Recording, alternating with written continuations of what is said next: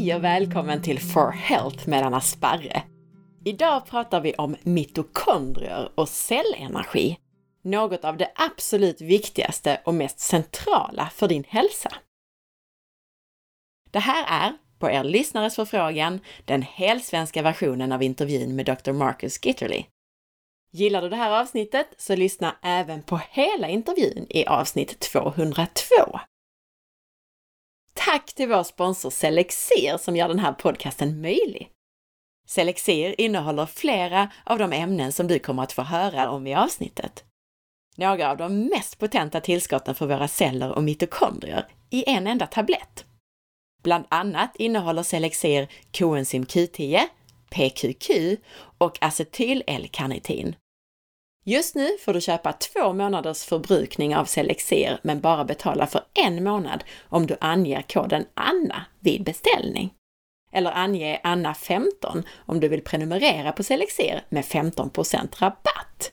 Gå till selexer.se. Om du gillar avsnittet så dela med dig av det på Facebook, Instagram eller till en vän. Och gå in och lämna en recension i iTunes. Det är helt avgörande för poddens överlevnad. Tack på förhand!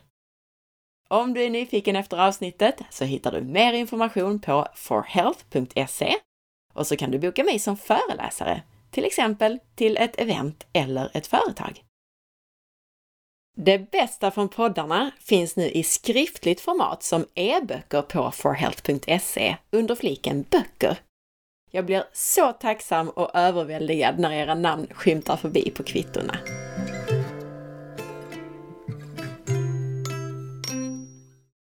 Mitokondrier och cellenergi är kärnan i det som vi pratade om kring hälsa på cellnivå i avsnitt 183. Ingenting annat fungerar i kroppen om inte dina celler har energi. Mitokondrier kallas ibland för cellernas kraftverk eftersom det mesta av energin tillverkas där. Marcus jämför mitokondrier med batteriladdare.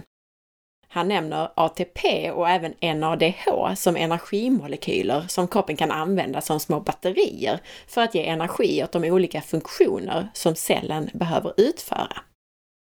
Allt i cellen kräver energi och hela kroppen består ju av celler. Så detta är verkligen helt centralt för din hälsa. Som ett exempel, cellen och cellens olika delar byggs framför allt upp av proteiner. Och just proteinsyntes kräver väldigt mycket energi. Cellerna och kroppen måste också skydda sig mot inkräktare, vilket också kräver energi. Fungerar inte mitokondrierna så finns det inte energi så det räcker till allt. Då måste saker prioriteras bort om man jämför med en stad där det inte finns tillräckligt med energi för att belastningen är för stor i förhållande till den energi som finns, så stängs delar av stadens elnät av med jämna mellanrum så att bara vissa delar får el på en och samma gång alltså. Sjukhusen måste prioriteras och ha el hela tiden däremot. Jag jämför även det här med termen repair deficit som Liz använde i avsnitt 196. Det handlar om att prioritera och prioritera bort. Ju bättre mitokondrier och mer cellenergi, desto mindre saker behöver prioriteras bort. Sen finns det också trösklar för det här där sjukdom uppstår. Det vill säga om skadan på mitokondrierna blir för stor att hantera så kan vi utveckla sjukdom. En levercell, alltså en cell i din lever, kan ha ett par tusen mitokondrier eftersom den behöver mycket energi, medan andra celler ofta har betydligt färre mitokondrier. Mitokondrier har eget DNA som innehåller ritningarna för mitokondriens olika delar. Mitokondrier som blir gamla och fungerar sämre, det är som gamla skruttiga bilar som hostar ut massor med tjock svart avgasrök. Mitokondrierna blir ineffektiva. De producerar mindre energi men mer avgaser i form av stora mängder fria radikaler. Anledningar till mitokondrier som fungerar sämre och producerar cellenergi på ett sämre sätt och i mindre omfattning, det kan vara skador på deras DNA. Hjärtsvikt till exempel, det är ett tecken på kraftig mitokondriell dysfunktion. Man vet att personer med hjärtsvikt kan ha mer än 50% skadat mitokondrie-DNA. Att mitokondriernas ritningar, deras DNA, att det skadas kan bero på att det inte ligger lika skyddat som det, ska vi säga, vanliga DNA som finns i cellens kärna, i cellkärnan. Även friska mitokondrier producerar avfall och avgaser i form av fria radikaler som skadar proteiner, inklusive mitokondrierna själva, alltså de skadas också. Men vi kan skydda mitokondrierna från skada av fria radikaler. Och vi kan också öka mitokondriernas effektivitet så att de producerar mindre fria radikaler i förhållande till hur mycket energi som de kan producera. Tecken på mitokondrier som fungerar sämre, det kan vara många och det är i regel det man ser som tecken på åldrande. Ett viktigt tecken på sämre mitokondrier, det är nedsatt kognitiv förmåga, alltså det som har att göra med vårt tänkande och minnet. Ofta har det att göra med de mest metabolt aktiva vävnaderna i kroppen, de delar av kroppen som har flest mitokondrier. Hjärnan är en av de här delarna i kroppen. Ett annat tecken på nedsatt mitokondriell funktion eller skadade mitokondrier är sår som inte läker som de ska. Fibroblasterna, de celler som är involverade i bland annat sårläkning, de är väldigt påverkade av mitokondriernas funktion. Man relaterar också det här med sämre mitokondrier till den metabola sjukdomen diabetes typ 2. Hjärtsvikt är ytterligare ett tecken på mitokondrier som inte fungerar, som vi nämnde innan. Och hjärtat är ju ytterligare en vävnad som kräver stora mängder energi och har mycket mitokondrier. Ofta hänvisar man till absolut energiproduktion, alltså hur mycket energi man producerar, och antalet mitokondrier. Men vad som verkar ännu viktigare är just det här med hur mycket rök mitokondrierna producerar, alltså hur mycket fria radikaler som produceras. Cellerna kanske skulle klara sig på lite mindre energi, men på grund av alla fria radikaler som skadar dem så belastas de med enormt mycket reparationer som ska fixas hela tiden. Mitokondrierna kan förstöra sig själva om de är tillräckligt skadade så att de slutar producera all den där svarta röken, de fria radikalerna. PQQ och CoQ10, alltså koenzym Q10, det här är båda koenzym, alltså ämnen som hjälper kemiska reaktioner i kroppen. PQQ och CoQ10 hjälper energiproduktionen i cellen genom att hjälpa själva överföringen av elektroner, som är det cellen gör när den producerar energi. Men PQQ, det hjälper inte bara till i detta, i själva energiproduktionen, utan PQQ hjälper även cellen att göra sig av med dåliga mitokondrier. Det hjälper cellen att stänga ner de kraftverk som producerar för mycket fria radikaler. PQQ hjälper också friska mitokondrier att dela sig och producera nya mitokondriekopior.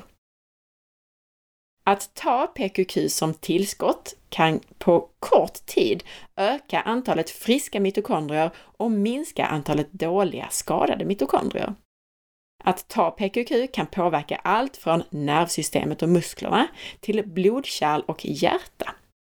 Sjuka patienter blir bättre väldigt ofta med tillskott av PQQ. Vi verkar inte kunna producera särskilt mycket PQQ själva, och det är svårt att få i sig PQQ från mat. Men det finns bland annat i natto, alltså fermenterade sojabönor. Men det går alltså också att ta PQQ som tillskott. Jag tänker att om det finns rikligt med PQQ i fermenterad mat så kanske vi kan producera det i tarmen med hjälp av rätt tarmbakterier. Koenzym Q10, CoQ10, fungerar synergistiskt med PQQ.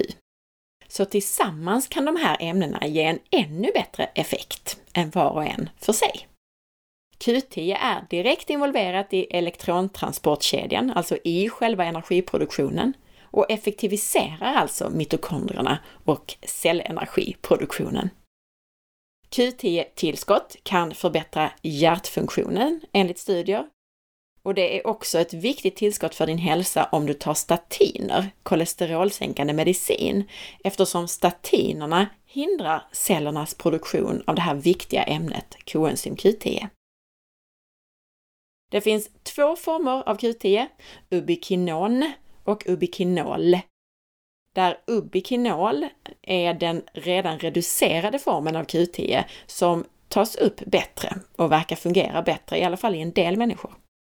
Men ofta är ubiquinol dyrare och lite svårare att få tag på, ska jag tillägga. Marcus berättar dock att det finns studier som tyder på att man kan ta väldigt mycket mindre ubiquinol och få samma effekter som av stora doser ubiquinon. Selen är ett viktigt ämne för CoQ10. Tillskott av selen kan öka tillgängligheten av Q10. B-vitaminer är viktiga och involverade i energiproduktionen i mitokondrierna och det gäller framför allt B1, B2, B3 och B5. Fysisk aktivitet och särskilt högintensiv intervallträning kan ge en dramatisk effekt på mitokondriell funktion och cellenergiproduktion. Det kan alltså förbättra dina celler väldigt mycket. Att äta en bra kost och att kombinera det med tillskott som vi pratat om och med högintensiv träning kan vara ett bra recept för friska och effektiva mitokondrier. En del som börjar ta koenzym Q10 upplever först mer energi och sen avtar effekten inom ett par veckor. Och vi vet inte exakt varför, men systemet anpassar sig och kompenserar bland annat för tillskott. Men det finns inga tecken på att det skulle vara dåligt att ta Q10 under lång tid. Tvärtom så finns det studier som visar på kraftiga hälsoeffekter i form av förbättringar av hälsan. Jag tar upp NADH, ett annat ämne som är involverat i energiproduktionen och som kan sägas vara en form av niacin, vitamin B3. Men det här får bli ett alldeles eget avsnitt. Mitokondriernas energiproduktion hänger ihop med hormonsystem som sköldkörteln och binjurarna. Sköldkörteln dirigerar cellmetabolismen, men sköldkörteln i sig fungerar ju inte utan cellenergi. De olika systemen påverkar alltså varandra.